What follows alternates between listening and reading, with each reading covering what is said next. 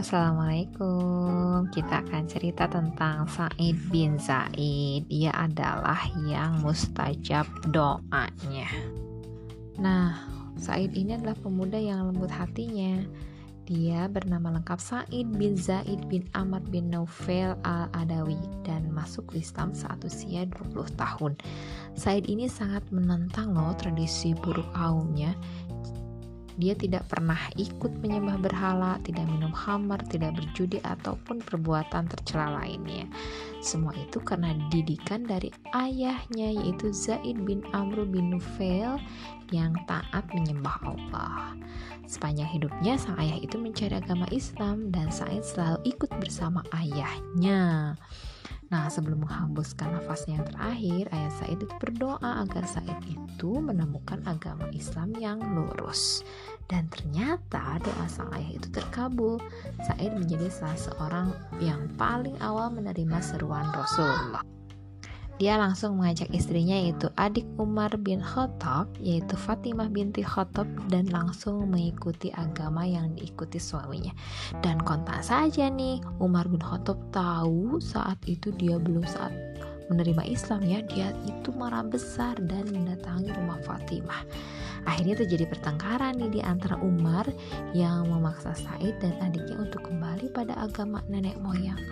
Tapi Said dan istrinya tetap dalam Islam dan tidak terpengaruh oleh ancaman kakaknya itu. Akhirnya keberanian dan kesabaran mereka itu meluluhkan hati Umar bin Khattab.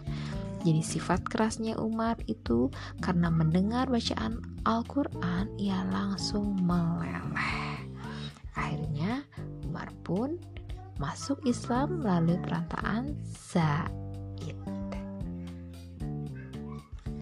Dan Said sangat tekun beribadah dan mempelajari Al-Quran. Dia juga pernah loh ikut perang di saat perang Badar. Ia menjadi mata-mata. Dan saat pulang, akhirnya perang Badar itu dimenangkan oleh kaum muslimin. Wah, luar biasa ya. Said ikut menangkan peperangan juga melawan kekaisaran Romawi di Kisra Persia. Setelah itu Islam menyebarlah ke seluruh negara. Dan saat perang Yarmouk pun yang melawan Romawi, pasukan muslim salah satunya Said pun ikut.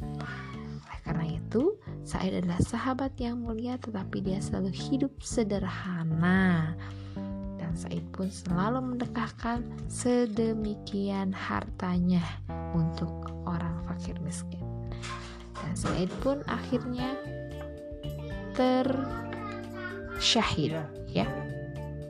Demikianlah cerita Said bin Said. Kita bertemu lagi di cerita selanjutnya ya. Assalamualaikum warahmatullahi wabarakatuh